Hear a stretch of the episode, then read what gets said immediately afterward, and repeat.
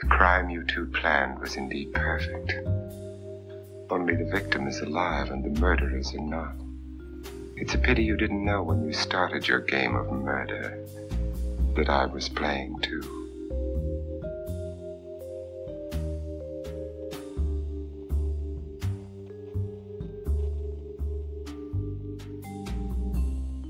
Stany Zjednoczone, rok 1937. Rok, w którym producent filmowy i lotnik Howard Hughes podbija własny rekord prędkości lotu międzykontynentalnego. Rok, w którym telewizja BBC po raz pierwszy wykorzystuje swoją zewnętrzną jednostkę nadawczą, by transmitować koronację króla Jerzego VI, ojca Elżbiety II. W 1937 roku Tolkien publikuje Hobbita, San Francisco otwiera most Golden Gate, Walt Disney debiutuje na dużym ekranie z bajką o Królewnie Śnieżce i Siedmiu Krasnoludkach, a w kioskach pojawiają się pierwsze numery magazynu Look oraz komiksu Detective Comics, później znanego jako DC. 1937 to był dobry rok nie tylko dla prasy drukowanej. To był też doskonały rok dla przemysłu filmowego. Blichtr gwiazd ekranu skupiał się przede wszystkim oczywiście w jednym miejscu w Hollywood. A szczególnie mocno lubianym miejscem Hollywood były knajpy przy mierzącym ponad 30 km bulwarze Sunset Boulevard. I to właśnie tutaj mieściła się tytułowa restauracja Cafe Trocadero.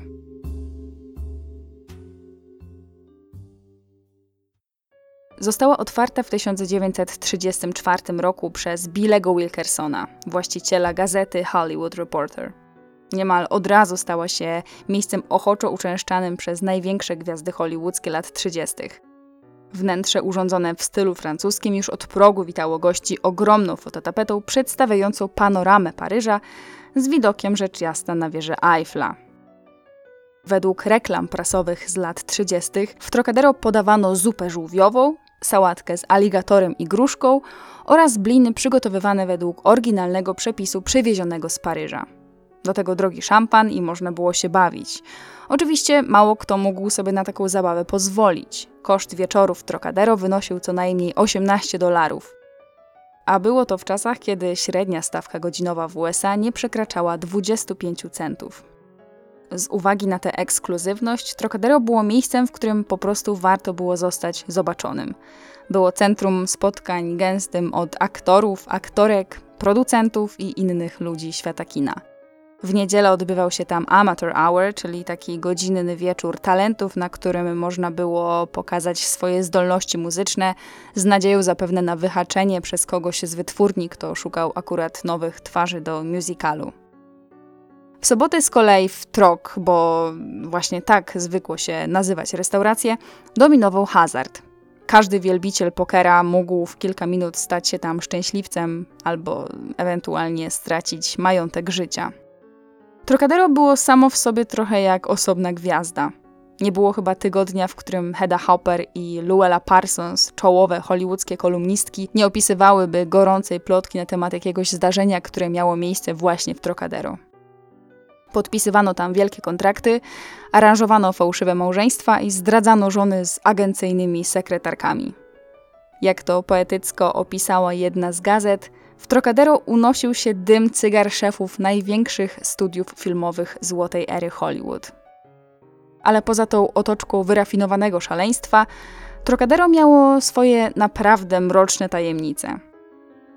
To właśnie w Trocadero widziano po raz ostatni aktorkę Thelma Tad żywą – 14 grudnia 1935 roku była tam na przyjęciu organizowanym przez Stanleya Lupino i jego córkę Idę. Kilka godzin po wyjściu z imprezy znaleziono ją martwą w jej własnym garażu. Ale to nie koniec. Dwa lata później scenariusz się powtórzył. Również w Trocadero po raz ostatni widziano aktora Teda Hileya. I chociaż MGM, czyli wytwórnia, dla której pracował, ogłosiła na początku, że był to atak serca, to spekulacji na temat prawdziwej przyczyny jego śmierci było wiele. Niektóre mówiły o chorobie alkoholowej, inne o nocnej bójce ze studentami, a jeszcze inne o wrogach z branży i pomocy mafii. Ale najciekawsze w tej ostatniej teorii jest chyba to, że połączyła śmierć Teda i śmierć Thelmy Tad czymś więcej niż tylko miejscem zdarzenia. Co więc tak naprawdę stało się z Tedem Hilleyem? I dlaczego badający tę sprawę historycy nadal nie są do końca zgodni co do prawdy? Środa, 21 grudnia 1937 roku. Poranne gazety w całym kraju ogłaszają szokującą nowinę. W niedzielną noc 19 grudnia gwiazdor MGM, 41-letni komik Ted Healy, zmarł. Rzecznik prasowy biura wytwórni od razu wydał oświadczenie, że symptomy przypominały atak serca. Tyle, że już popołudniowe wydania gazet zdementowały te informacje. Ted zmarł we własnym domu po całej nocy świętowania w Cafe Trocadero narodzin pierwszego syna. I może nawet dałoby się uwierzyć w ten atak serca, gdyby nie wyraźne ślady pobicia na jego ciele, podbite oko oraz kilka szwów założonych na twarzy tuż przed śmiercią. Sprawę zaczęła śledzić cała Ameryka. Chociaż dzisiaj pewnie niewiele osób kojarzy jego nazwisko, to w tamtych czasach Ted Healy uznawany był za jednego z najbardziej wpływowych komików w kraju. A jego nagła śmierć była ogromnym szokiem. Wróćmy więc na chwilę do tego, kim w ogóle był Ted Healy. Urodził się jako Ernest Lee Nash 1 października 1896 roku w Teksasie. Jego ojciec był biznesmenem, a kiedy Ernest, to znaczy Ted, miał kilkanaście lat, to całą rodziną przenieśli się do Nowego Jorku, a dokładnie to na Brooklyn. Krótko mówiąc, pochodził z dobrego, majętnego domu. Chodził do bardzo dobrych szkół i generalnie miał dosyć dobry start w życiu.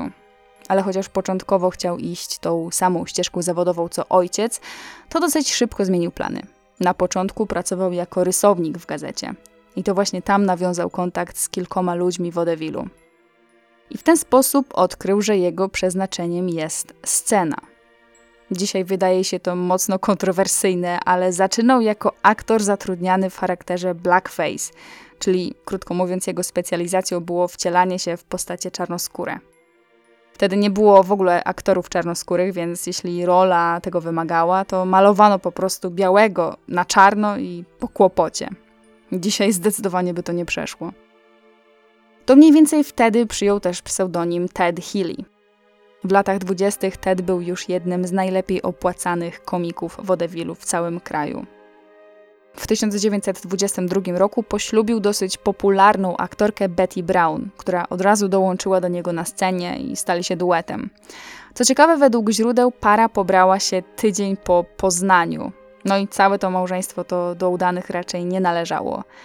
Ted był kobieciarzem i sporo pił, a po alkoholu wdawał się w bójki. W dokładnie tym samym roku, w którym Ted poślubił Betty, połączył też swoje sceniczne siły z dawnym przyjacielem Mo Howardem. Stworzyli w duecie komedię wodewilową o nazwie Ted Healy and His Stooges. Sukces był tak duży, że chwilę później dołączyli do nich także brat Moe, Shemp Howard, a także komik Larry Fine. Cała czwórka wystąpiła w filmie fabularnym Soup to Nuts. Potem Shemp postawił na karierę solową i zastąpił go jego brat Curly, no i wszystko przez kilka lat działało doskonale. No prawie, bo związek tych czterech panów był co najmniej burzliwy. Ale trzymali się razem, przede wszystkim dlatego, że na tych występach każdy z nich zarabiał kupę kasy. Na początku lat 30. Hollywood odezwało się do nich po raz drugi. Podpisali wtedy kontrakt z MGM i nakręcili kilka filmów. W 1934 roku ich wspólny kontrakt wygasł, więc trzeba było zastanawiać się, co dalej. No i tu pojawił się problem, bo Ted miał zupełnie inną wizję ich wspólnej kariery niż reszta panów. Co więcej, ciężko z nim się pracowało, bo miał wybuchowy charakter i często zaglądał do kieliszka. No to w końcu cała ekipa odwróciła się od Teda i wyrzuciła go z tej grupy. Podkreślam grupy, którą on sam założył. Następnie podpisali kontrakt z wytwórnią Columbia Pictures. Jako trio zrobili ogromną karierę na ekranie i poszerzyli swoją działalność o muzykę, radio, komiksy, a potem też telewizję. Ich przygody, a raczej historia inspirowana ich przygodami, pokazana jest na przykład w filmie Głupi, Głupszy i Najgłupszy z 2012 roku. A co z Tedem? No cóż, Ted początkowo był zdruzgotany takim obrotem spraw i rozpoczął serię pozwów. Rościł sobie prawo do niektórych gagów, a nawet próbował założyć nową grupę, ale dopóki jego życie kontrolował alkohol, to trudno mu było powtórzyć sukces byłych przyjaciół. Co więcej, przez liczne romanse jego żona zażądała rozwodu. Średnio go to pewnie ruszyło, bo jeszcze w trakcie trwania ich małżeństwa zaczął się spotykać z kolejną Betty, tym razem aktorką Betty Hickman. Jak się potem okaże, żoną numer dwa. Jeśli chodzi o jego karierę, to w końcu zdecydował się przedłużyć kontrakt z wytwórnią MGM. Wystąpił w takich filmach jak chociażby Wybuchowa Blondynka, jednej z najgłośniejszych produkcji z główną rolą aktorki Jean Harlow. Właściwie to pomiędzy 34 a 37 pracował dosyć sporo i zarabiał dosyć sporo. Jeśli chodzi o jego osobowość, to znalazłam określenie, że był jak Jekyll and Hyde. Z jednej strony fenomenalny i utalentowany komik, zakochany w swojej żonie i przezabawny kompan na imprezach, a z drugiej, szczególnie po alkoholu, był agresywny i rozdrażniony, zawsze gotowy do jakiejś barowej bójki. Pod koniec lat dwudziestych prasa donosiła, że miał problemy z prawem. Raz w przypływie gniewu i zazdrości próbował kogoś postrzelić, innym razem pisano, że miał sprawę za obrazę funkcjonariusza policji. Takie kwiatki znalazłam w prasie. Ale w 1937 roku wszystko się zmieniło. Ano dlatego, że dowiedział się, że jego druga żona spodziewa się dziecka. Według relacji najbliższych rzucił picie właściwie z dnia na dzień. Podobno uwielbiał dzieci i od zawsze marzył o tym, by zostać ojcem. No i niestety nie zdążył nacieszyć się rodzicielstwem. Kilka godzin po narodzinach syna, jeszcze zanim żona wyszła ze szpitala, to Ted zmarł.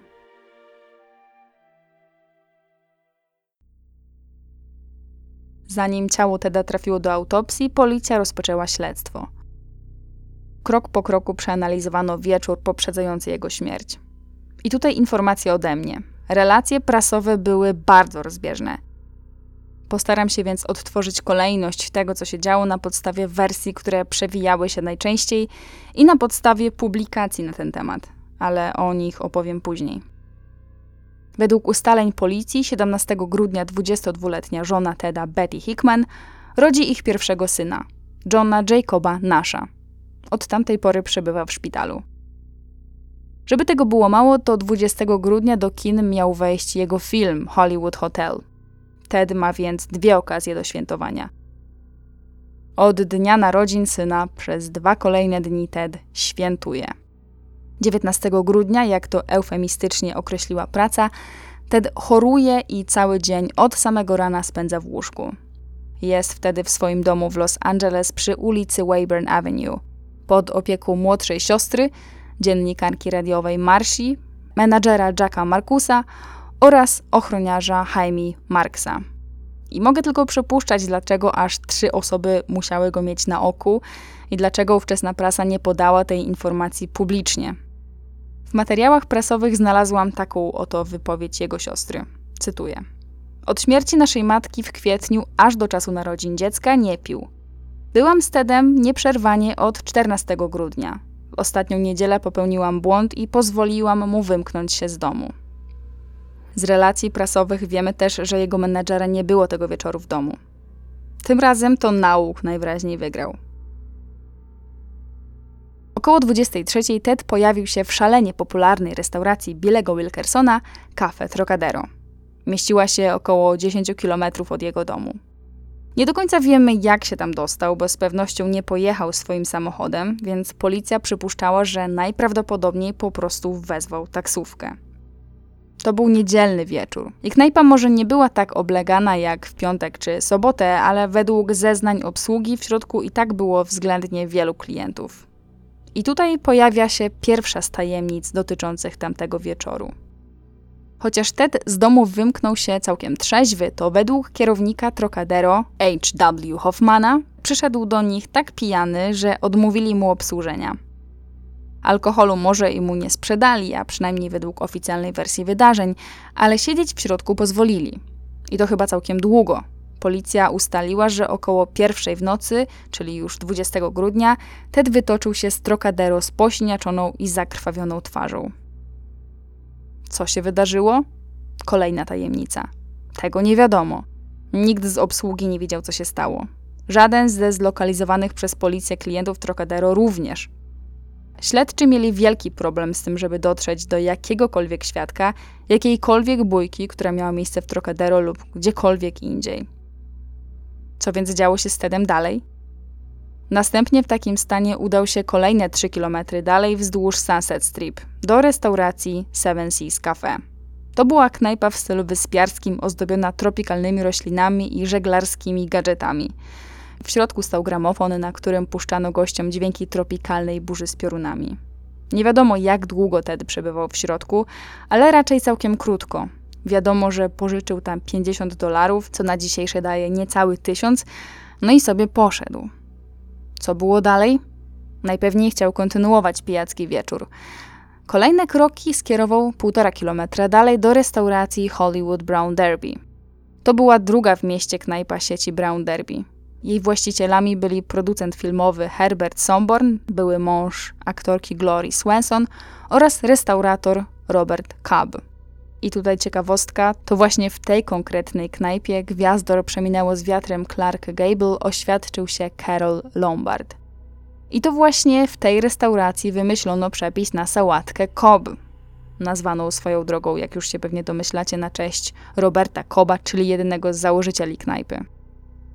Ted znalazł się w restauracji Hollywood Brown Derby dokładnie o 2.15. Skąd to wiemy? A wiemy to stąd, że spotkał tam trzech znajomych. Statystów filmowych Josepha Doka Stone'a i Jacka Antlera oraz komika Joe'a Frisco. No i tutaj, co tu dużo mówić, mężczyźni byli przerażeni jego stanem. Zeznali policji, że wyglądał na pobitego i mocno pijanego. Do tego stopnia, że nie dało się zrozumieć niczego z bełkotu, jaki wydobywał się z jego ust. Jeden z nich z restauracyjnego telefonu zadzwonił do siostry Teda. No, najwyraźniej wyglądał tak źle, że nie wiedzieli, co miał z nim zrobić. Marcia od razu pomyślała, że dobrze by było, gdyby zobaczył go jakiś lekarz. No to poprosiła ich, żeby zabrali go do hotelu Hollywood Plaza. Tam zmianę miał akurat ich zaprzyjaźniony hotelowy lekarz, dr Sydney Weinberg. Mężczyźni zapewne nie chcąc przerywać sobie zabawy, zamówili więc taksówkę, wsadzili do niej pijanego Teda, no i tyle go widzieli. I tu pojawia się kolejny znak zapytania. Restauracje i hotel dzieliły niecałe 2 km prostą drogą. Rachunek za nocną taksówkę powinien wynieść maksymalnie 75 centów, ale wyniósł aż 4,5 dolara. 6 razy więcej. Albo więc taksówkarz wykorzystał jego stan i nabił sobie co nieco więcej, albo Ted krążył gdzieś po mieście, zanim dotarł ostatecznie do hotelu. Swoją drogą sama podróż też trwała zadziwiająco długo, jak na 2 km prostą drogą, bo jechał ponad 15 minut, o ile podane przez świadków godziny były prawdziwe. O 2.30 Ted w końcu wytoczył się z taksówki pod hotelem Hollywood Plaza. Skąd to wiemy? Otóż pod hotelem Hollywood Plaza Teda zobaczył zapaśnik Man Mountain Dean, jego dobry znajomy, którego poznał kiedyś na planie filmowym. Dean powiedział policji, że stał właśnie sobie pod hotelem, kiedy zatrzymała się taksówka, a ze środka dosłownie wytoczył się Ted. Miał podbite oko, poważnie wyglądające rozcięcie na łuku brwiowym, z którego sączyła się krew i jeszcze kilka drobnych zadrapań. Zapytany, co się stało, dał radę wybełkotać jedynie, że został zaatakowany w kafe Trocadero i pobity na parkingu przed knajpą. Przez kogo pobity? Tego już nie powiedział. Dean zaprowadził Teda do gabinetu lekarza hotelowego. Jak zaraportowała policja, około trzeciej nad ranem hotelowy lekarz założył Tedowi dwie metalowe zszywki chirurgiczne nad lewym okiem i opatrzył wszystkie pozostałe rany z okolic twarzy. Lekarz zeznał potem policji, tutaj cytuję. Dużo wypił. Powiedział, że brał udział w bójce, ale nie był w stanie powiedzieć, kto był jego przeciwnikiem. Tuż po wizycie u lekarza Ted najwyraźniej trochę wytrzeźwiał, bo samodzielnie zadzwonił do siostry. Marcia zeznała potem, że poprosił ją, żeby przyjechała po niego do Clara Baus Eat Cafe. I tutaj uwaga ode mnie. Eat Cafe było restauracją mieszczącą się na parterze hotelu Hollywood Plaza, która należała do aktorki Clary Bow. Taki disclaimer. Pozwólcie, że zacytuję, co mówiła dalej. Ted powiedział, że ma dwa szwy na głowie, ale nie wyjaśnił dlaczego. Poprosiłam jego menadżera Jacka Markusa, aby wziął moje auto i po niego pojechał. No i tak też się stało. Markus odebrał Teda z hotelu, a potem zawiózł go do domu. I pewnie wszystko byłoby w porządku. Pijacki wypad, jakaś bójka po kilku głębszych. No, każdemu mogło się zdarzyć, szczególnie w takich okolicznościach. Gdyby nie jeden fakt. Otóż w poniedziałek rano stan Teda drastycznie się pogorszył. Cały dzień wymiotował. Było z nim tak źle, że siostra wezwała do domu jego prywatnego lekarza, doktora Lamonta. Lekarz podał mu środek uspokajający, glukozę i tlen. Ale to nie wystarczyło. Następnie wezwał na konsultację kardiologa, doktora Johna Radoka. Niestety Ted cały czas miał konwulsje. Utrzymywały się przez cały poniedziałek. We wtorek o trzeciej nad ranem zapadł w coś, co gazety będą potem określać półśpiączką. We wtorek 21 grudnia o godzinie 11.30 przed południem Ted niespodziewanie zmarł. Przy śmierci obecni byli jego żona, menadżer Jack Marcus wraz ze swoją żoną oraz dwóch lekarzy, prywatny doktor Lamont, a także wezwany przez niego kardiolog. Marcia natychmiast zadzwoniła do wytwórni TEDa, czyli MGM. Tak to wyglądało w tamtych czasach, że jeżeli jakaś gwiazda umarła, to natychmiast trzeba było wzywać studio. I najpewniej właśnie ze względu na tę obecność kardiologa, ktoś z wytwórni być może w ciemno założył, że Ted zmarł na atak serca. No i taką też informację podali więc do prasy. I pewnie wszystko przeszłoby bez większego echa, gdyby nie jeden mroczny fakt. Otóż dr Lamont odmówił podpisania aktu zgonu. Twierdził, że obrażenia na ciele Teda są zbyt poważne. W dodatku sprawa rzekomego pobicia w Trocadero była dosyć mocno podejrzana. Zmuszeni więc byli wezwać policję, a ta z kolei skontaktowała się z biurem koronera i zarządzono konieczność przeprowadzenia autopsji. Już mówię, jak wyglądała cała ta procedura i co w tym było takiego szokującego. W tamtych czasach, jeśli lekarz obecny przy śmierci pacjenta lub wezwany do zmarłego zgodził się na podpisanie aktu zgonu, no to ciało było od razu wydawane natychmiast do kostnicy, tam balsamowane, sprawa załatwiona, a policja nie była do niczego potrzebna. Jeśli jednak lekarz przypuszczał, że zgon mógł być wynikiem przestępstwa, to miał prawo odmówić podpisania aktu zgonu. Wówczas należało przeprowadzić śledztwo, a ciało musiało zostać poddane autopsji przez lekarza sądowego. Tyle, że w przypadku Teda sprawa nieco się pokomplikowała. Pomimo, że lekarz odmówił podpisania aktu zgonu, to jego ciało zostało przewiezione do kostnicy i zabalsamowane przed sekcją zwłok.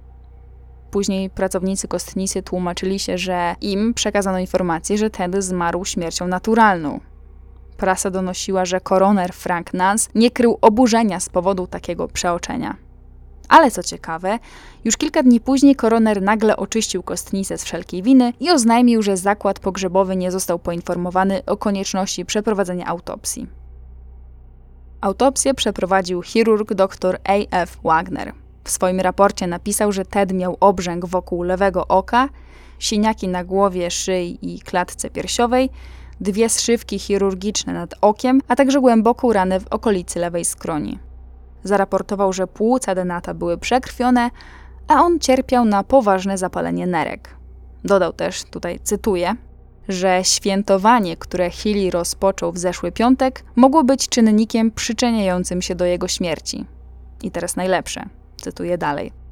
Skaleczenia i siniaki na jego twarzy i głowie były z natury całkowicie powierzchowne i nie spowodowały ani nie przyczyniły się do jego śmierci. Cios, który spowodował skaleczenie, nie spowodował uszkodzenia czaszki ani mózgu. Nie było skrzepów krwi w mózgu i nie było dowodów na krwotok mózgowy. Ted Healy zmarł z powodu ostrego, toksycznego zapalenia nerek spowodowanego ostrym i przewlekłym alkoholizmem, który osłabił serce, nerki i wątrobę. I tyle. Jeszcze tego samego dnia wszystkie gazety zaalarmowały, że aktor zmarł z powodu ostrego toksycznego zapalenia nerek, co było następstwem przewlekłej choroby alkoholowej. Policja z miejsca zamknęła śledztwo, no bo nie było czego śledzić. Nic nie wskazywało na to, że śmierć mogła być spowodowana jakąkolwiek napaścią fizyczną. I niestety poszukiwania osoby, która w niedzielną noc pobiła Teda, zostały oficjalnie zakończone. Koniec historii ale wtedy prasa zrzuciła pierwszą bombę.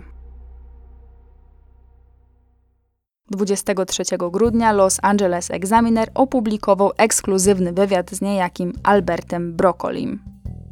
Kim był Albert Broccoli? Trudno powiedzieć, kim dokładnie był w tamtym czasie. Prasa określała go jako zamożnego Nowojorczyka albo przystojnego młodego mężczyznę o hollywoodzkiej aparycji, cokolwiek by to znaczyło. Za kilka lat Broccoli rozpocznie owocną współpracę i wieloletnią przyjaźń z producentem Howardem Hughesem, a za ponad 20 lat sam zabłyśnie z wyprodukowania filmu Doctor No, czyli pierwszego w historii filmu o Jamesie Bondzie. W tej roli oczywiście Sean Connery. Ale na razie mamy 37 rok, a on ma 29 lat. No i co tu dużo mówić, dopiero czai się na wejście do Hollywood. I najwyraźniej czai się w barze Trocadero. Broccoli twierdził bowiem w wywiadzie, że był świadkiem pewnego zdarzenia w restauracji Trocadero na krótko przed śmiercią Teda. Ale sam sposób przedstawienia tej historii przez prasę był przekazany, jakby to powiedzieć, w dosyć charakterystycznym dla ówczesnych gazet, mało obiektywnym stylu. Pozwólcie, że zacytuję. I to będzie długi cytat. Albert Broccoli, przystojny młody mężczyzna o hollywoodzkiej aparycji, opowiada o sensacyjnej bójce z Hillim w Trocadero. W zwięzły sposób z drobnymi szczegółami przedstawia relacje ze swojej perspektywy. Zrzeka się jednak odpowiedzialności za skaleczenie lewego oka Hileya, w wyniku którego wszczęto policyjne dochodzenie. Stałem w barze Trok późno w niedzielę wieczorem, kiedy około 23 do środka wszedł Healy. Wiedziałem, że dwa dni wcześniej został ojcem. W przyjazny sposób krzyknąłem więc do niego: Napijmy się, Ted. Wydawał się dosyć zdziwiony. Zwrócił się do barmana i zapytał: Kim jest ten facet? Zaśmiałem się z tego i pogratulowałem mu narodzin dziecka. Ale Hilly tylko podszedł do mnie i uderzył mnie w nos, który zaczął krwawić. Następna rzecz, jaką pamiętam, to to, że dostałem kolejny cios w usta, a potem kolejny w brodę. Prawie mnie znokautował. Odepchnąłem go od siebie, bo nie chciałem się z nim bić i zrobić mu krzywdy, a obsługa zaprowadziła go do holu. Chwilę później wrócili i powiedzieli, że Ted chce mnie widzieć. Poszedłem do holu, a tam uścisnęliśmy sobie dłonie. Potem Ted wyszedł z Trocadero i widziałem, jak wsiada do taksówki. Nie wiem, gdzie pojechał, ale o ile pamiętam, nie miał wtedy żadnych śladów na twarzy.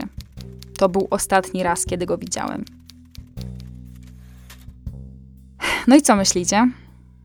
Po pierwsze, tutaj pojawia się nam kilka rozbieżności z oficjalnymi raportami policji. Tymi raportami, które napisali jeszcze kiedy trwało śledztwo. No bo skoro ten brokoli jedynie otrzymywał ciosy, zamiast je zadawać, to dlaczego Ted był pobity? I wybełkotał, że pobito go właśnie w Trocadero. Po drugie, skoro według niego Ted wszedł do Trocadero o 23, a chwilę po ich przepychance wyszedł, to co Healy robił do 2.15, kiedy był widziany w Hollywood Brown Derby? Wiemy, że pomiędzy tymi miejscami zaliczył jeszcze przystanek w Seven Seas Cafe. Ale według relacji świadków w Seven Seas Cafe był tylko chwilę. Pożyczył pieniądze i wyszedł. No to pozostają nam jeszcze jakieś trzy wolne godziny, w których nie wiadomo, co się działo. Już dwa dni później, w samo Boże Narodzenie, prasa opublikowała relację kolejnego, tym razem anonimowego świadka. I ta relacja jest podobna, ale trochę inna niż historia opowiedziana przez Brokoliego. Cytuję. To wyglądało prawie tak, jak to opisał Brokoli. Tyle, że Hilly przyjął od niego kilka szturchnięć. Ale ani go nie powaliły, ani nie były brutalne. To było raczej odepchnięcie. Potem Ted podszedł do stolika, przy którym siedziało dwóch mężczyzn i dwie kobiety. Jeden z nich wdał się z Hillim w dyskusję. Hilly wyglądał na bardzo pijanego. Po krótkiej kłótni obsługa restauracji wyprowadziła go na zewnątrz. Człowiek, z którym Hilly się pokłócił, poszedł za nim. Nie było go kilka minut, ale potem wrócił do swojego stolika i powiedział swoim towarzyszom: Powaliłem go na ziemię. Ale on wstał z uśmiechem, uścisnął mi rękę i powiedział, że jest mu przykro. Skoro więc mamy już dwóch świadków, którzy twierdzą, że dwie osoby go szturchały, no bo pierwszą z nich był Brokoli, a drugą był ten gość z drugiego stolika, ale nikt go nie pobił, no to skąd ślady pobicia na ciele Teda? Policja w tej sprawie także nie milczała. Kapitan policji wypowiedział się w prasie tak. Wydaje mi się, że pan Brokoli próbuje się na całej sprawie wybić. Dlaczego nie zgłosił się do nas, nie opowiedział o bójce z Hilim przed przeprowadzeniem sekcji zwłok? Zamiast tego milczał, dopóki autopsja nie ujawniła, że śmierć nastąpiła z przyczyn naturalnych i że rzekoma bójka nie miała nic wspólnego ze śmiertelną chorobą Teda.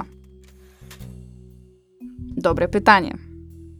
Jeśli ktoś teraz słucha i zastanawia się w ogóle, po co drążymy jakieś pobicie, skoro autopsja wykluczyła, że pobicie miało cokolwiek wspólnego z jego śmiercią, to spokojnie. To wszystko już zaraz połączy się w całość. Na pogrzebie Teda oczy całego Hollywood zwróciły się bowiem w jedną stronę. W stronę jego pierwszej żony, aktorki Betty Brown.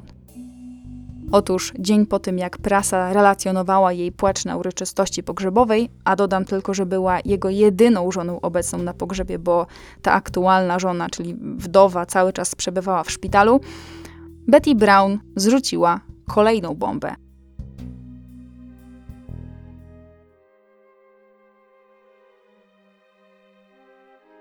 Betty Brown twierdzi, że w sprawie Hileya zatajono wiele faktów. Była żona Teda Hileya podjęła kroki w celu wznowienia śledztwa w sprawie nagłej śmierci komika. Panna Brown twierdzi, że interesuje się tym, bo była żoną Teda przez 10 lat i ma wiele pytań, na które trzeba jeszcze odpowiedzieć. Twierdzi, że dotarła do świadków, którzy twierdzą, że Ted Healy był pobity przez trzy osoby na parkingu przed Trocadero. Jedna go trzymała, a pozostałe dwie go biły. Jej własne śledztwo ujawniło, że policja nie próbowała ani znaleźć, ani przesłuchać napastników Teda. Zapowiedziała, że przekaże prokuraturze nazwiska osób, które brały udział w bójce w niedzielną noc. Prokurator Baron Fitz, swoją drogą ten pan zadziwiająco często pojawia się w moich podcastach, prokurator Baron Fitz zapowiedział, że będzie współpracował z Brown. W kręgach policyjnych ogłoszono jednak, że śledztwo policji zostało zamknięte i takie pozostanie, z uwagi na raport chirurga przeprowadzającego autopsję. Jestem przekonana, że w związku ze śmiercią Teda doszło do oszustwa, ogłosiła była żona komika. Po tym tekście pojawił się dosłowny wysyp wywiadów i artykułów na temat Betty. W jednym z nich mówiła, że widziała się z Tedem w sobotę wieczorem, czyli dokładnie dzień przed szaloną nocą w Trocadero. Powiedziała, że wyznał jej wtedy, że nigdy nie czuł się tak dobrze, że dba o siebie i że nie pije od kilku miesięcy. To by wykluczało się z dochodzeniem policji, która zaraportowała, że Ted wpadł w cuk od piątku i pił aż do wieczoru w Trocadero. A tu nagle mamy jego byłą żonę, z którą spotkał się rzekomo dzień po narodzinach swojego dziecka. Cytuję dalej. Sobotę wieczór spędziliśmy w kawiarni i rozmawialiśmy o sprawach biznesowych. Ted pił jedynie kawę, Powiedział mi, że już nigdy nie wróci do nałogu.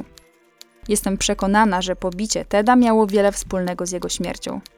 Nie podoba mi się sposób, w jaki niektórzy ludzie kazali mi się zamknąć. Nie mogę siedzieć spokojnie i cicho i patrzeć, jak wieloletni partner w teatrze umiera pobity i maltretowany, a nikt nie pyta dlaczego.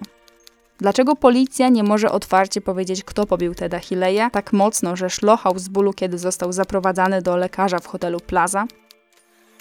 Dlaczego mężczyzna, który przyznał się do pobicia Teda w Trocadero, nie został przesłuchany przez policję, a jedynie złożył oświadczenie w gazecie?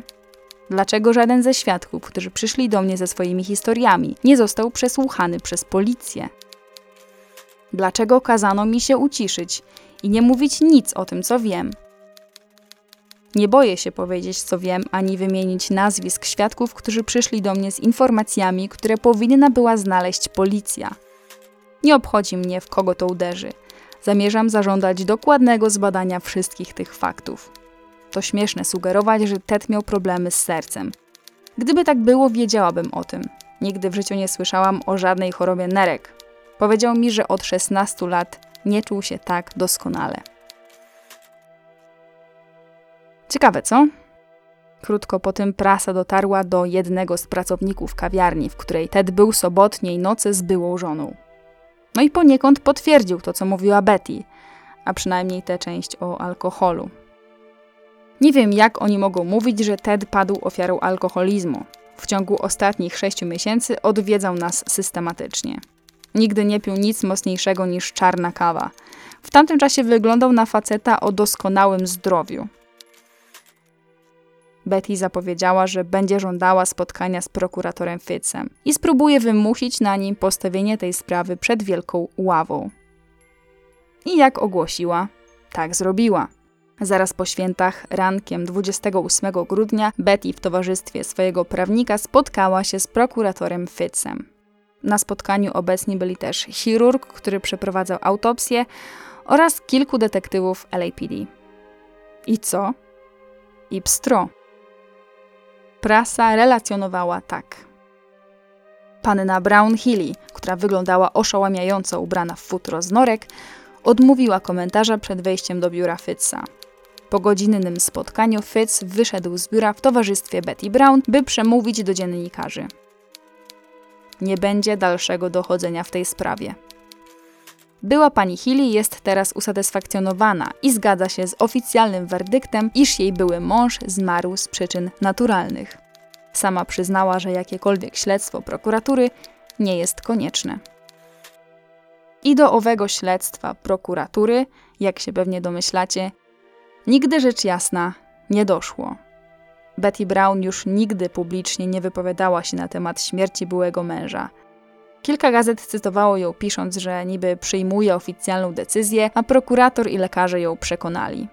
Od tamtego czasu w ogóle niewiele było wzmianek w prasie na jej temat. Właściwie to zadziwiająco niewiele jak na kobietę, która jeszcze do niedawna była całkiem dobrze prosperującą aktorką.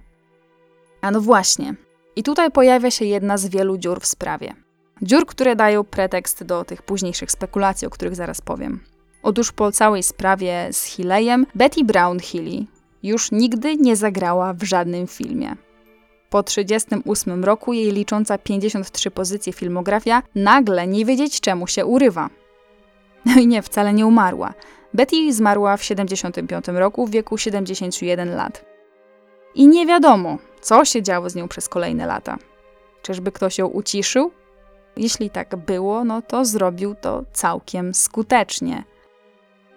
W tym momencie tak naprawdę kończy nam się coś, co gdyby ten podcast miał części, nazwałabym częścią pierwszą. Kolejny, nazwijmy to przełom w tej sprawie, nastąpił dopiero 10 lat po śmierci Betty Brown Healy. W roku 1982 z okazji premiery książki The Three Stooges Scrapbook. Jedną ze współautorek książki była córka przyjaciela Teda, Mo Howarda. I właśnie w tej książce poznajemy nieco inną perspektywę na to, co wydarzyło się 45 lat wcześniej.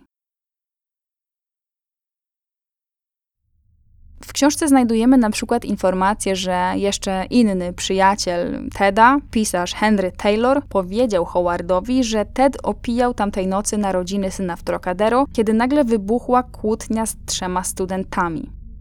Healy zaczął ich wyzywać, a potem zaproponował, żeby wyszli na parking, a tam zajmie się nimi pojedynczo.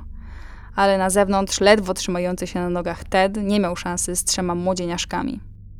Trzech, jak to określano w książce, studentów powaliło go na ziemię i zaczęło okładać po głowie, żebrach i brzuchu. I na taką scenę naszedł znajomy Teda Joe Frisco. Rozdzielił ich, wyciągnął Teda z parkingu i zabrał do hotelu. No i tutaj kilka rzeczy się kompletnie nie zgrywa. Po pierwsze, w relacjach prasowych nikt nigdy nie pisał o żadnych studentach. Ani razu, bo przeszukałam dosłownie prawie wszystkie wzmianki na ten temat. Ale w sumie to rzeczywiście mogłoby mieć sens. To była w końcu tak naprawdę pierwsza w miarę wiarygodna relacja z tego, która zawierała element brutalnego pobicia, a nie jedynie szturchania. No i po drugie, gryzie się to trochę z relacją Joe'a Frisco, bo według dochodzenia policji Joe Frisco wpadł na Teda w zupełnie innym barze, jakieś 5 km od Trocadero. W dodatku nie był sam, a w towarzystwie dwóch znajomych. Przypominam, że to byli ci, którzy zabrali go do hotelu, a raczej no nie zabrali, tylko go wsadzili do taksówki. Ale znowu to też da się wytłumaczyć. Frisco mógł po prostu nie chcieć zeznawać policji jako bezpośredni świadek pobicia. Znacznie wygodniej było zeznać, że po prostu wpadł na Teda kilka godzin później, jak już był pijany i już był pobity, niż opisywać trzech nieznanych napastników. A nuż policja oskarżyłaby o wszystko jego? Nigdy nie wiadomo. Ale jest jeszcze jedna opcja, chętniej przyjmowana za tę właściwą, szczególnie przez fanów teorii spiskowych. Według niej Frisco był po prostu przekupiony. Celowo kłamał, że niczego nie widział, a Teda spotkał, kiedy ten już był pobity i ledwo stał na nogach. I tutaj dochodzimy do sedna sprawy. W Hollywood od lat plotkowano o tym, co tak naprawdę stało się z Tedem. Relacja zawarta w tej książce tylko sprowokowała kolejne wypowiedzi, szczególnie celebrytów. Harry Ralph, jeden ze scenarzystów, który pracował wtedy dla MGM, twierdził, że za pobiciem nie stali żadni studenci, tylko aktor Wallace Beery, ówczesna wielka gwiazda MGM. Co ciekawe, późniejszy prezydent kraju Ronald Reagan, który w latach 30. pracował jako dobrze opłacany aktor dla Warner Brothers i był przyjacielem Teda, to on za celowe zatuszowanie jego śmierci i ukrywanie skandalu obwiniał samą wytwórnię MGM. Ale na kolejne rewelacje i wytłumaczenie tego, jak to mogło wyglądać, trzeba było poczekać następne 20 lat. W 2002 roku ukazała się bowiem książka zatytułowana The Three Stooges autorstwa Jeffa i Toma Foresterów. A w tej książce po raz pierwszy po ponad 65 latach przedstawiona została relacja ze zdarzenia z Trocadero z perspektywy rzekomego świadka. Był nim niejaki Sam Wolf. To był aktor, który znał Teda jeszcze z czasów jego występów na scenie, czyli no, wydaje się, że mógł być teoretycznie wiarygodny. Pozwólcie, że zacytuję jego słowa z tej książki. W trok Wallace Beery siedział przy barze razem z Patem DiCicco.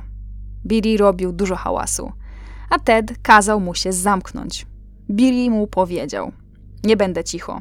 To się powtórzyło kilka razy. Wtedy Beery wstał i uderzył Teda w skroń. To się stało jeszcze przy barze, więc Ted do niego mówi: Wyjdźmy na zewnątrz, a zajmę się wami obydwoma. Myślę, że Biri i DiCicco wyszli na parking, a tam czekał na nich jeszcze trzeci facet. On skoczył na Teda i go przytrzymał, a tamci dwaj go pobili. Jeśli słuchacie mojego podcastu już od jakiegoś czasu i coś wam mówi to nazwisko Pat DiCicco, no to uszy was nie mylą. Tenże zimieszek już się tutaj pojawił. Ale pozwólcie, że pójdę po kolei i najpierw zajmę się tym Wallace'em Birim, gwiazdą Metro Goldwyn Mayer, czyli MGM bo ta historia jest równie ciekawa. Biri był wtedy naprawdę rozchwytywanym nazwiskiem w branży. Występował w filmach właściwie od początku istnienia kina. Zaczynał w 1914 roku, kiedy pojawił się w ponad 30 krótkich niemych filmach, w których wcielał się w kobietę. Ogólnie często występował w przebraniu. Wśród najpopularniejszych produkcji, w jakich zagrał, był m.in. film Kolacja o ósmej, w której główną rolę wcieliła się Jean Harlow, o której swoją drogą mam osobny odcinek. Innym znanym filmem byli Ludzie w hotelu, gdzie główną rolę zagrała z kolei aktorka Greta Garbo. W jednym ze źródeł znalazłam nawet informację, że podczas odbierania Oscara za rolę w filmie Mistrz Billy wyszedł na scenę przebrany właśnie za Gretę Garbo. To się swoją drogą nie do końca spodobało publiczności. No, najwyraźniej nawet w latach 30. nie wszystkich bawiła komedia w stylu chłop przebrany za babę. No więc pozbawiony taktu, ale nieszkodliwy żartowniś? No nie do końca. Powszechnie uważało się i uważa się do dziś, że Billy był mężczyzną okrutnym. Zgwałcił swoją pierwszą żonę, którą była bardzo popularna aktorka Gloria Swanson – ale to nie koniec. Podczas trwania ich małżeństwa miał ją też podobno oszukać i zmusić do wypicia mikstury, która spowodowała poronienie. Bo ona była w ciąży, a on nie lubił i nie chciał mieć dzieci. Jackie Cooper, który kilkukrotnie pracował z Birim na planie jako aktor dziecięcy, napisał w swojej autobiografii, że, tutaj cytuję, był najbardziej sadystyczną osobą, jaką kiedykolwiek spotkał. Dwa lata po śmierci Teda Hileya, prasa wypuści szokującą informację, że Biri, który przecież nienawidził dzieci, adoptował siedmiomiesięczną dziewczynkę. No dobra, adoptował to jest bardzo złe słowo. Powiedział gazetom, że zabrał dziecko od niedawno rozwiedzionej samotnej matki, która nie miała pieniędzy na jego wychowanie. Ale co najlepsze, nigdy nie złożył żadnych oficjalnych dokumentów adopcyjnych. Co się stało z dzieckiem? Nie wiadomo do dzisiaj. Właściwie nie wiadomo, czy w ogóle istniało, bo mógł to być równie dobrze studyjny zabieg PR-owy wymyślony przez jakąś mądralę z MGM. Że niby adopcja biednego dziecka miała mu złagodzić nadszarpnięty wizerunek. Pokrętna logika, ale być może w latach 30. ubiegłego wieku czyjeś serce zmiękło. Nie wiem. Nie byłby to zresztą pierwszy raz, kiedy wytwórnia bawiła się w takie zabiegi. Ale o tym za chwilę. Generalnie Biri uznawany był za buta z przerośniętym ego. W połowie lat 30. zażądał od MGM kontraktu, który dawałby mu o jednego dolara więcej niż najlepiej opłacany wtedy aktor. Tak tylko dla zasady, żeby prasa mogła o nim napisać, że to on zarabia w tej branży najlepiej. W jednym ze źródeł znalazłam też informację, że ten jego rzekomy Oscar za rolę w Mistrzu to też nie był do końca taki jego. Warto zwrócić uwagę, że to były początki historii Oscarów, zaledwie kilka lat po pierwszej historycznej ceremonii. W tamtych czasach zwycięzców ogłaszano przed rozpoczęciem ceremonii, tak żeby dopilnować, by laureaci na pewno pojawili się, żeby odebrać nagrodę. No i podobno, kiedy ogłoszono, na razie tak nieoficjalnie, że nagroda dla najlepszego aktora trafia do kogoś innego, to Billy wdarł się do szefa studia MGM Louisa B. Mayera i zażądał, że to on powinien otrzymać nagrodę. No i tak też się stało. Na oficjalnej stronie Akademii dzisiaj można bez problemu znaleźć tam jego nazwisko.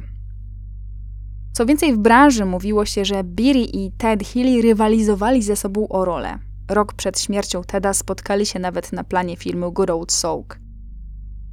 Zagrał tam rolę główną, Ted drugoplanową. Ale do brzegu.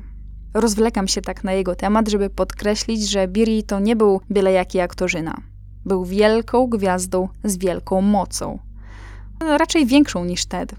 Nie wiem, czy dzisiaj dochodzi do tego typu nacisków ze strony aktorów. Podejrzewam, że nie, bo w tamtych czasach obowiązywał system studyjny, Oznaczało to mniej więcej tyle, że aktorzy w zdecydowanej większości nie, nie mogli przebierać sobie w rolach, ale byli pracownikami konkretnych wytwórni i to właśnie na bazie kontraktu wybierano dla nich kolejne filmy. Reżyserowie zresztą działali podobnie. Wytwórnie mocno więc musiały dbać o reputację swoich gwiazd, no bo tak naprawdę logo konkretnej wytwórni podpisywało się pod nazwiskiem danego aktora czy aktorki. Wallace Beery, jak zresztą wiele gwiazd w tamtych czasach, był stałym bywalcem kultowego meksykańskiego kasyna z torem wyścigowym Agua Caliente. Ale kasyno przyciągało nie tylko hollywoodzkie gwiazdy. Agua Caliente przyciągało również mafię. Wiele wskazuje na to, że to właśnie albo w Agua Caliente, albo w jednym z podziemnych klubów w Chicago Billy poznał świat mafii. Trudno powiedzieć teraz, na ile zażyłe były jego stosunki z gangsterami, czy może całe te powiązania były w ogóle wyssane z palca, ale pewne było jedno. W 2002 roku, w wydanej wtedy książce, aktor Sam Wolf po prawie 70 latach wyzna, że tamtej nocy w Trocadero widział właśnie Wallace'a Birego, w dodatku w towarzystwie Pata Di Chico, a Pat DiCicco był prawą ręką słynnego wtedy hollywoodzkiego gangstera. Zajmijmy się więc nim na chwilę. Pat DiCicco działał jako najważniejszy człowiek Lakiego Luciano, który był jednym z tak zwanych ojców nowoczesnej mafii w Ameryce. Pierwszej połowie lat 30. Luciano stał się najpotężniejszym gangsterem w całym kraju, a Los Angeles było dosyć ważnym obszarem jego działalności. Luciano był głównym handlarzem narkotyków w mieście i trudno tak dokładnie powiedzieć, czym zajmował się Pat, ale wiele źródeł mówiło, że zajmował się organizacją przemytu dla Luciano. Według niektórych źródeł był też Alfonsem, a według jeszcze innych zajmował się uwodzeniem, a następnie oskubywaniem z pieniędzy hollywoodzkich bogaczek. W 1932 roku Pat poślubił hollywoodzką aktorkę Thelmę Todd. Chociaż byli ze sobą tylko dwa lata, to to małżeństwo nie należało do, delikatnie mówiąc, zbyt szczęśliwych. Podobno cały czas ją bił i pewnego razu pobił ją do tego stopnia, że złamał jej nos. Innym razem po takim pobiciu trafiła do szpitala w celu wycięcia wyrostka robaczkowego. Niecały rok po rozwodzie Thelma zmarła w tajemniczych okolicznościach. Pewnego grudniowego wieczoru 1935 roku Thelma pojechała na zamkniętą imprezę organizowaną właśnie w Cafe Trocadero. Tam bawiła się w towarzystwie znajomych i przypadkiem wpadła na Pata, który był tam z inną kobietą, aktorką Margaret Lindsay. Podobno byli małżonkowie zamienili nawet ze sobą kilka słów, a potem już ze sobą nie rozmawiali.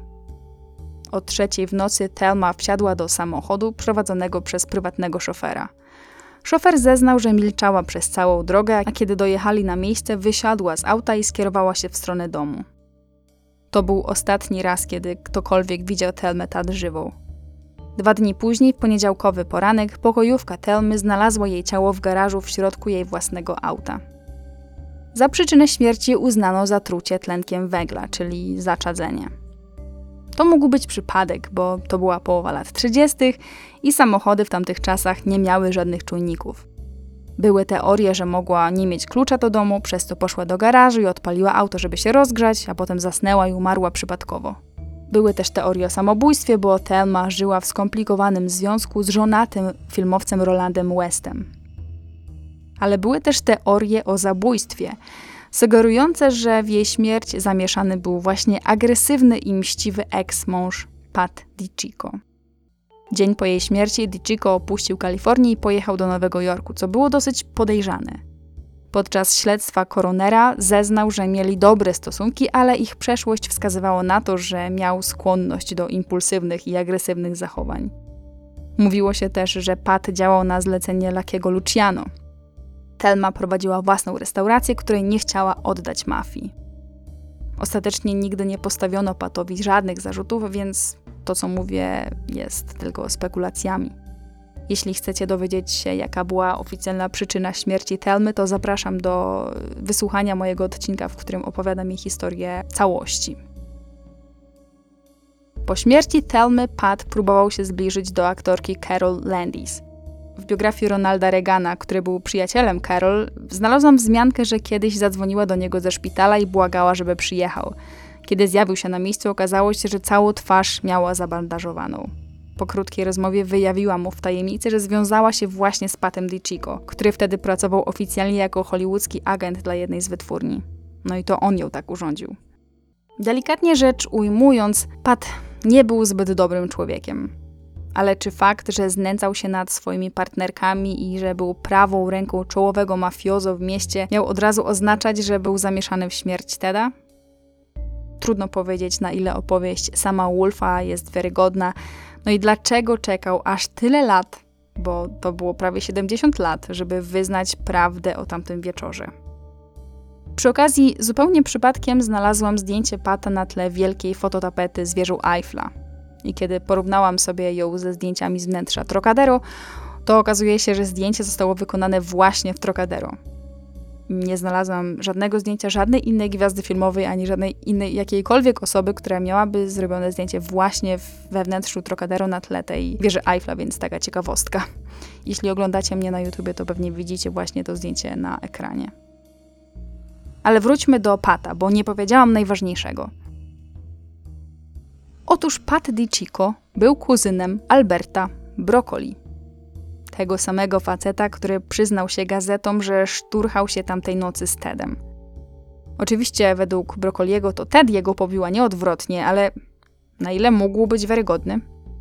No bo co jeśli historia przedstawiona przez sama Wolfa jest prawdziwa i rzeczywiście Biri i Pat pokłócili się w Trocadero z Tedem, a następnie oni razem z Brokolim pobili go we trzech na parkingu przed knajpą? No ale nawet jeśli tak było, to jakim cudem tak dużo osób przez tyle lat trzymało gębę na kłódkę? Zarówno oni sami, goście Trocadero, a nawet obsługa knajpy? Odpowiedzi na to pytanie udziela książka autorstwa E.J. Fleminga zatytułowana The Fixers, wydana w 2004 roku. Autor opowiada w niej o Edim Maniksie i Howardzie Stricklingu, którzy byli tak zwanymi tytułowymi fixers, czyli, nie wiem, naprawiaczami dla wytwórni MGM. Oczywiście w innych wytwórniach również działały tego typu osoby. Pisze, że tych dwóch panów sprzątało każdy bałagan, jakie robiły gwiazdy ich studia. Po co? Ano po to, żeby publiczny wizerunek firmy pozostawał nienaganny, nieważne jakich przestępstw dopełniliby się jej pracownicy. Wykorzystywali do tego wiele środków. Od manipulacji publikacjami w gazetach, przez opłacanie świadków jakichś nie do końca legalnych zdarzeń, aż po dojścia w organach ścigania czy mafii. Eddie Mannix od lat 20. był dyrektorem generalnym studia MGM. W przeszłości był związany z przestępczością zorganizowaną i działał na terenie Nowego Jorku. Z kolei jego partner, były dziennikarz Howard Strickling, był w MGM szefem reklamy. Ich zadanie było jedno: doprowadzić do tego, by do wszystkich skandali urządzanych przez gwiazdy MGM albo nie doszło, albo by dobrze je zatuszować, jeśli już do nich doszło. A mówiąc o skandalach, mam na myśli nie tylko przestępstwa, przestępstwa, ale też romanse, pozamałżeńskie ciąże, aborcje czy skandale obyczajowe. Strickling odpowiadał w tym duecie za prasę. Krótko mówiąc, kontrolował to oraz w jaki sposób prasa pisała o gwiazdach wytwórni. Upewniał się, że żadne niechciane plotki nie wychodziły na światło dzienne, co często wiązało się z przekazywaniem reporterom alternatywnych artykułów do wydrukowania. Oczywiście nie za darmo. Z kolei Mannix odpowiadał za bezpośrednie tuszowanie skandali. A to opłacił świadka wypadku, jak jakiś aktor zderzył się z drzewem po pijackiej jeździe samochodem, a to pomógł w zatuszowaniu jakiegoś przestępstwa, współpracując z policją z Los Angeles, a to postraszył jakąś aktorkę, która nazbyt często pojawiała się z kochankiem publicznie, albo kochanką, jak to było w przypadku Grety Garbo. No i tuszował też gwałty, jakich dopełniali się ludzie ze studia na młodych sekretarkach czy statystkach. A tak, takie sprawy też się wydarzały i to całkiem nagminnie. Kiedy nie radził sobie sam, wzywał do pomocy dawnych kolegów z mafii, którzy za odpowiednią opłatą zawsze byli chętni pomóc. Fleming w swojej książce opisuje wiele słynnych hollywoodzkich zbrodni i skandali. Opowiada o tym, jak Mannix i Strickling ingerowali w policyjne śledztwa, żeby je zatuszować. Dziać się miało tak na przykład przy sprawie tajemniczej śmierci Paula Berna. Swoją drogą mam o niej odcinek, więc chętnych zapraszam do posłuchania. Ale działo się też tak w sprawie zabójstwa Williama Desmonda Taylora, o którym zapewne odcinek jeszcze kiedyś nagram. Lata później będą też zamieszani w śmierć George'a Reevesa. O nim też z pewnością pojawi się jeszcze odcinek, bo sprawa jest bardzo ciekawa. No i nie inaczej miało być w przypadku śmierci Teda Hilleya. Fleming pisze, że to właśnie Broccoli, czyli przyszły producent filmów o Bondzie, Pat DiCicco, czyli prawa ręka gangstera Lakiego Luciano i kuzyn Broccoli, oraz Wallace Beery, czyli jedna z ważniejszych gwiazd studia MGM, oni we trzech pobili tamtej nocy Teda. I że to właśnie to pobicie, a nie choroba nerek czy alkoholizm, było bezpośrednią przyczyną jego śmierci dwa dni później. Ale to nie koniec. Twierdzi, że fikserzy, twierdzi, że ci naprawiacze czy fikserzy z MGM zatuszowali sprawę, rozsiewając plotkę o powrocie do nałogu. Cytuję książkę. Po wymianie słów w barze, Biri uderzył Hileja w głowę w obecności innych klientów, po czym został wezwany przez niego, aby wyszli na zewnątrz. Ale Broccoli wymknął się wcześniej, a kiedy Ted przeszedł przez drzwi Trocadero, ten skoczył na niego i przytrzymał, podczas gdy DiCicco i Biri go bili. Zostawili go nieprzytomnego, rozciągniętego w kałuży krwi i wrócili do baru, głośno wznosząc toast za zwycięstwo. Dalej Fleming opowiada historię z perspektywy naprawiaczy z MGM. Podobno rankiem 20 grudnia, czyli dzień po tej szalonej nocy, Manix odebrał telefon od Wallace'a Birego, który opowiedział mu o bójce, jaka miała miejsce kilka godzin wcześniej przed Trocadero. Powiedział, że on, Pat i Albert dosyć mocno pobili Teda Hileya i zostawili go nieprzytomnego na parkingu. Manix miał natychmiast zadzwonić do Trocadero, gdzie obsługa rzeczywiście potwierdziła mu, że takie zajście faktycznie miało miejsce. Następnie razem ze swoim partnerem od brudnych spraw Stricklingiem obdzwonili wszystkie szpitale i szukali informacji o tym, czy Ted został gdzieś przypadkiem przyjęty. Na szczęście nie został. Ale długo się nie cieszyli, no bo już następnego dnia siostra Teda zadzwoniła do studia i poinformowała o tym, że Ted umarł w domu. Ale to nie koniec. Autor pisze, że podobno Ted na jakiś czas przed śmiercią, kiedy jeszcze był przytomny, ale już po pobiciu, rozmawiał z kilkoma przyjaciółmi. I to właśnie od niego wyszła historia o tym, kto go pobił i w jakich okolicznościach. Ale na nic się to nie zdało. Na zlecenie naprawiaczy z MGM koronerzy zignorowali wszystkie obrażenia na ciele Teda i jako przyczynę śmierci określili ostre, toksyczne zapalenie nerek spowodowane chorobą alkoholową. I to właśnie dlatego lekarz Hileya początkowo nie zgodził się podpisać aktu zgonu.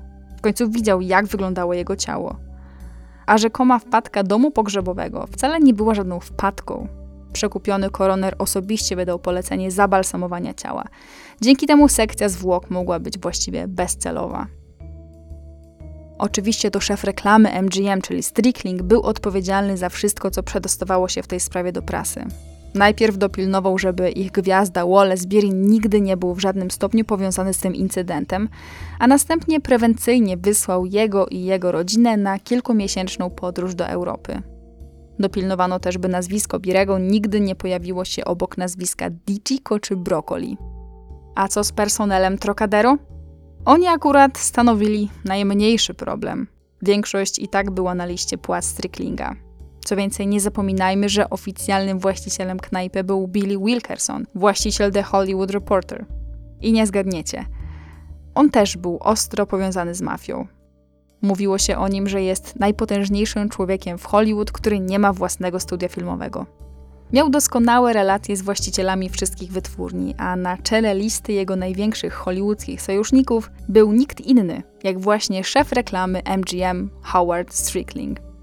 Swoją drogą to właśnie Wilkerson odkrył aktorkę Lanę Turner, o której mrocznej przeszłości również mam odcinek podcastu. Wszystko jakoś mi się dzisiaj splata w jedną całość. Po tym jak Wilkerson odniósł sukces jako właściciel i wydawca magazynu, a on sam miał grono przyjaciół wśród największych głów Hollywood, to otworzył kilka restauracji i klubów przy Sunset Boulevard, między innymi właśnie Trocadero. Nie da się ukryć, że jako dobry przyjaciel Stricklinga, Wilkerson raczej z łatwością mógł ukryć jakiekolwiek przestępstwo, do jakiego doszło na terenie knajpy. Nawet jeśli tym przestępstwem miało być morderstwo. Manix, czyli ten wspólnik Stricklinga, miał tylko upewnić się, że nigdy z gości, którzy stołowali się tamtej nocy w Trocadero, na pewno nie pamięta całego zdarzenia. Na czym polegało to upewnianie się? Tego możemy się tylko domyślać, ale pamiętajmy, że mówimy tu o facecie, który miał dosyć długą historię przestępczą. I nie chodziło tu o włamania do domów czy oszustwa podatkowe, ale o związki z nowojorską mafią. To Manix podobno rozpuścił też plotkę o rzekomych pijanych studentach, z którymi mógł się pobić Ted. Plotka nie stała się co prawda jakąś oficjalną prasową wersją wydarzeń, ale chętnie powtarzało się ją w Hollywood przez kolejne lata. Drobny problem pojawił się, kiedy Betty Brown, czyli pierwsza żona Teda, wyskoczyła jak Philip z Konopi ze swoją teorią, że Ted został zamordowany, a wszystko jest zatuszowane. Ale na to też zaradzili. Nie przez przypadek kariera aktorska Betty nagle się skończyła, pomimo że do tej pory stale pojawiała się na ekranie. Manix miał dopilnować, by studio rozwiązało z nią umowę. No i rzeczywiście, Betty od 1938 roku nigdy nie zagrała już w żadnym filmie.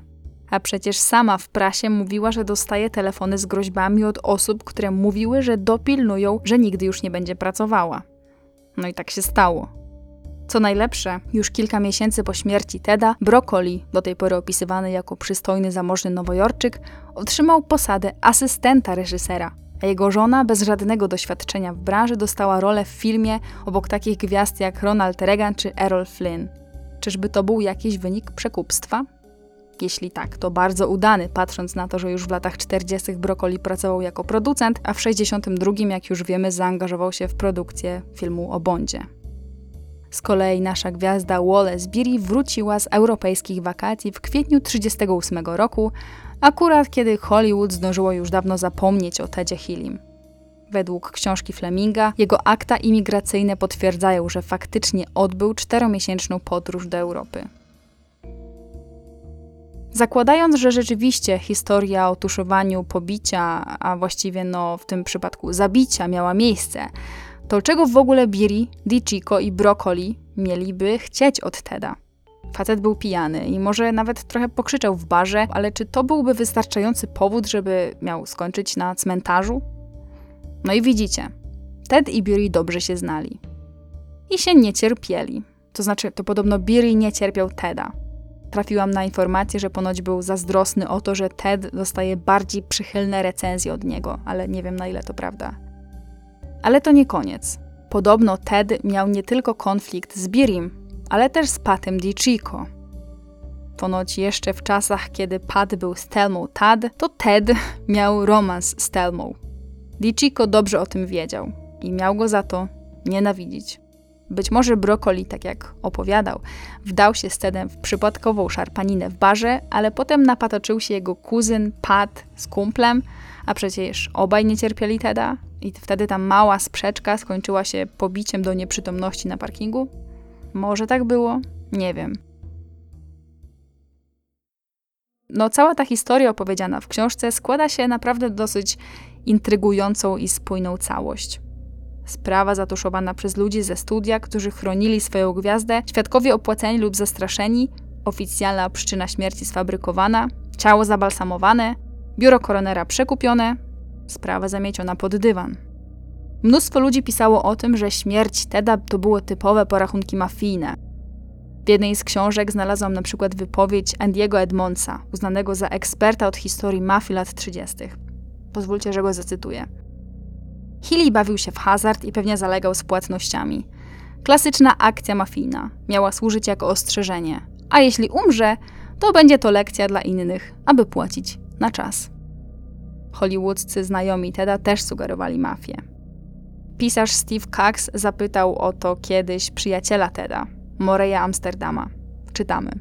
Amsterdam powiedział mi osobiście, że Pat DiCicco był tym, który zamordował Teda Hileya. Mam to na taśmie. Fleming, czyli autor tej książki The Fixers, twierdził, że rozmawiał z wieloma osobami z MGM i wszyscy potwierdzali teorię o morderstwie i ukrywaniu sprawy przez ludzi z wytwórni. Ale nie byłabym sobą, gdybym nie sprawdziła tej bardziej racjonalnej wersji wydarzeń.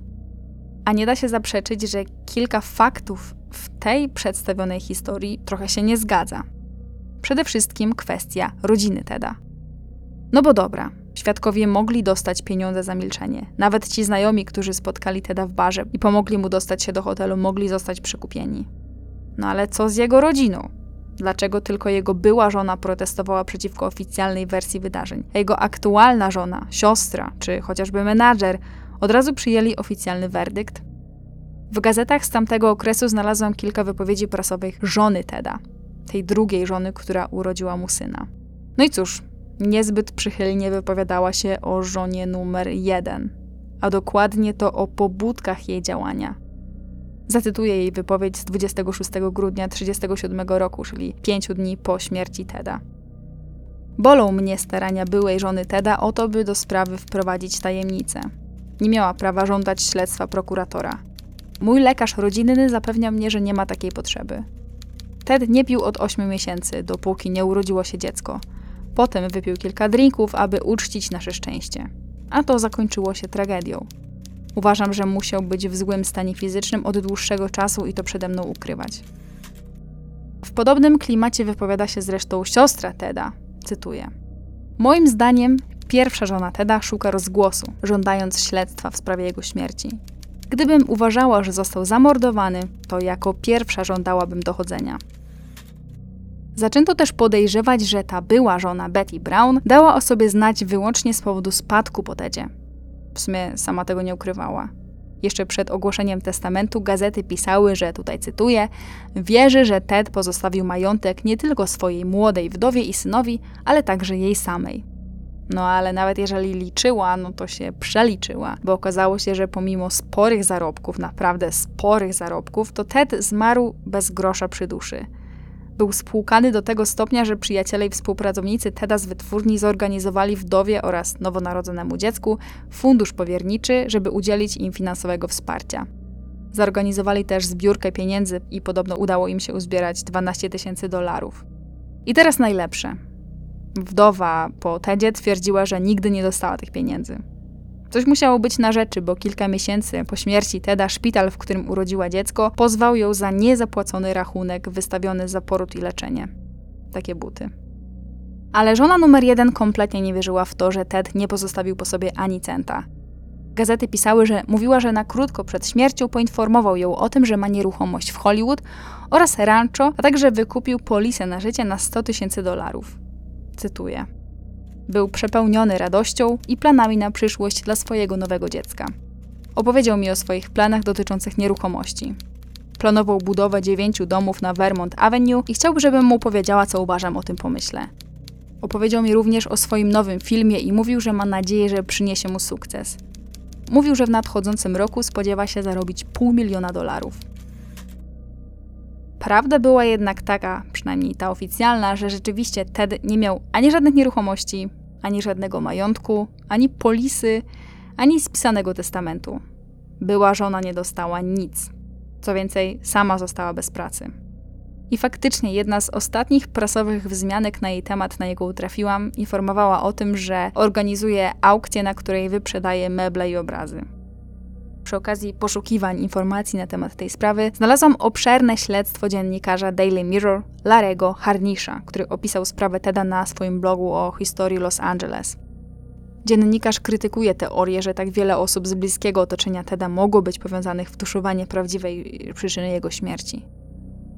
Nawet jeśli przekupienie pracowników Trocadero czy nawet gości mogło być powiedzmy proste, to przecież przy jego śmierci była jego siostra, menadżer, żona menadżera i znajomy lekarz. Co więcej, dochodzi kwestia całego biura koronera, śledczych policji i ostatecznie prokuratora Fitza, bo przecież i on był zamieszany w sprawę.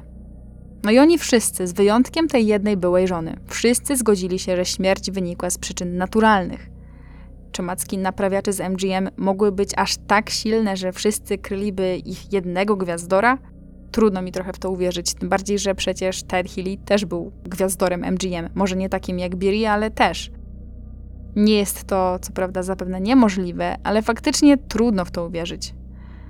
Według dziennikarza historia wyglądała dokładnie tak, jak przedstawiła to prasa z 1937 roku. Czyli Ted przerwał swój post od alkoholu i opijał tamtej nocy w Trocadero narodziny syna. A że pił od kilku dni, w dodatku był alkoholikiem, to dla jego ciała to już było za dużo. W Trocadero poprzepychał się z Albertem Broccoli, a potem jeszcze prawdopodobnie z innymi nieznanymi osobami, tym bardziej, że w przeszłości był znany z tego, że często bił się w barach. Następnie udał się w dalszą wędrówkę po okolicznych knajpach. W jednej z nich wpadł na znajomych, którzy wsadzili go do taksówki i przewieźli do hotelu. W hotelu przez jakiś czas leczył go hotelowy lekarz, a stamtąd menadżer Teda przewiózł go do domu. Dalszą historię już znamy. W ciągu kilkudziesięciu ostatnich lat ta historia transformowała tak, że trudno było oddzielić prawdę od plotek. Trzy osobne bójki w barach przemieniły się najpierw w bójkę z trzema studentami, a następnie w pobicie przez Brokoliego, Dichico i Birego. W rzeczywistości, według tego dziennikarza, Ted zmarł na chorobę nerek, o czym świadczy jego ciężki stan na kilkanaście godzin przed śmiercią. W końcu nawet jego była żona dała się przekonać na zamkniętym spotkaniu z prokuratorem okręgowym. Nie znając kontekstu, to sama kwestia oficjalnej przyczyny śmierci Teda w ogóle nie jest kontrowersyjna. W 1937 roku nie było żadnych antybiotyków do leczenia tego typu infekcji. Mało tego, nie odkryto wtedy jeszcze penicyliny. Jeśli Ted był alkoholikiem przez wiele lat, no to faktycznie mógł mieć uszkodzone narządy, więc jego odejście było możliwe, niezależnie od młodego wieku. Ale jeśli słuchają mnie jacyś rzeczywiście lekarze, bo ja oczywiście nim nie jestem, to bardzo chętnie przyjmę weryfikację tej teorii. Ale to nie koniec tych racjonalnych głosów w tej sprawie. Trafiłam bowiem na jeszcze jedną książkę.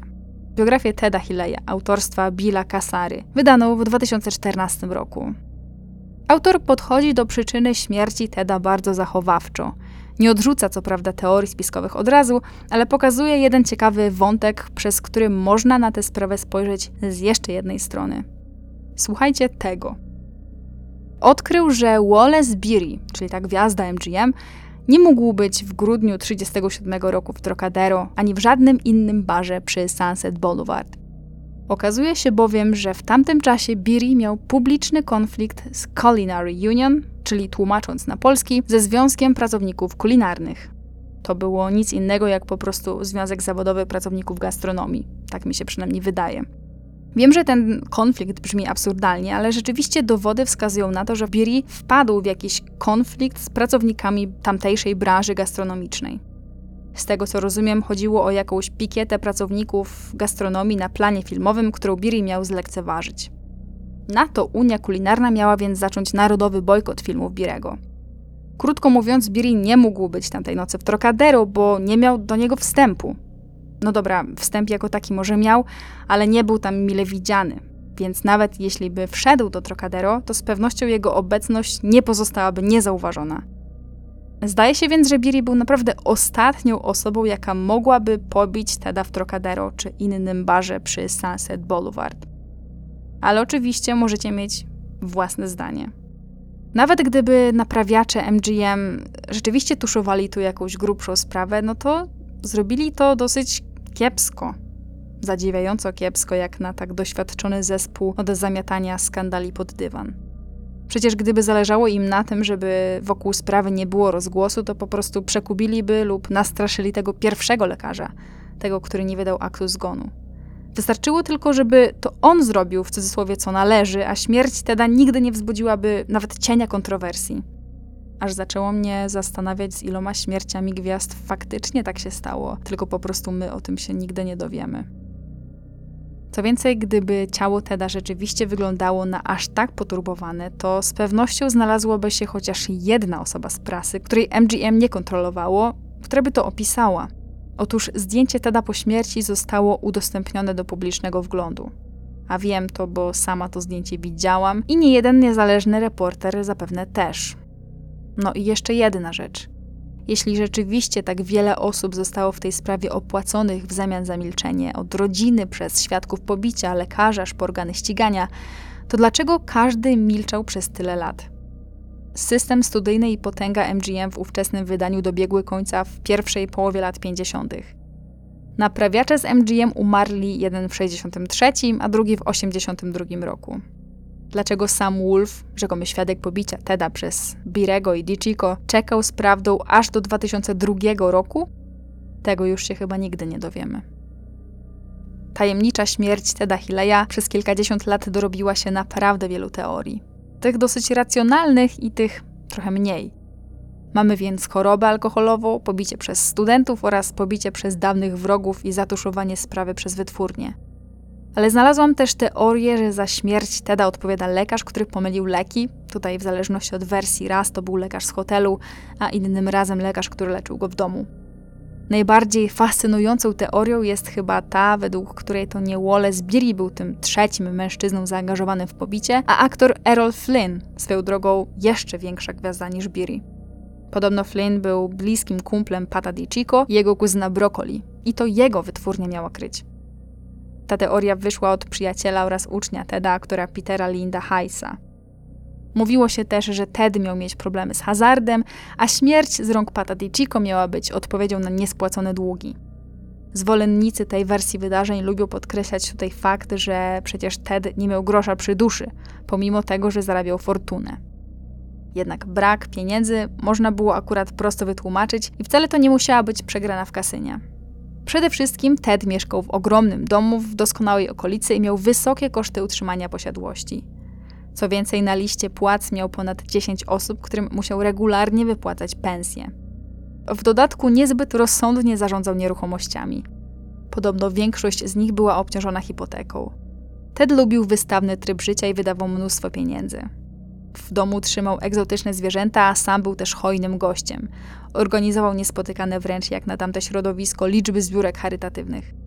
Trafiłam też na informację, że został wykorzystany finansowo przez jakichś nieuczciwych współpracowników. No i dochodzi jeszcze fakt, że jego portfel mógł uszczuplić też krach na giełdzie, do którego doszło w 1929 roku. Zbierając to wszystko razem, ja osobiście jestem w stanie uwierzyć, że rzeczywiście średnio ogarniał sprawy finansowe. Jakby nie było naprawdę, wiadome jest jedno.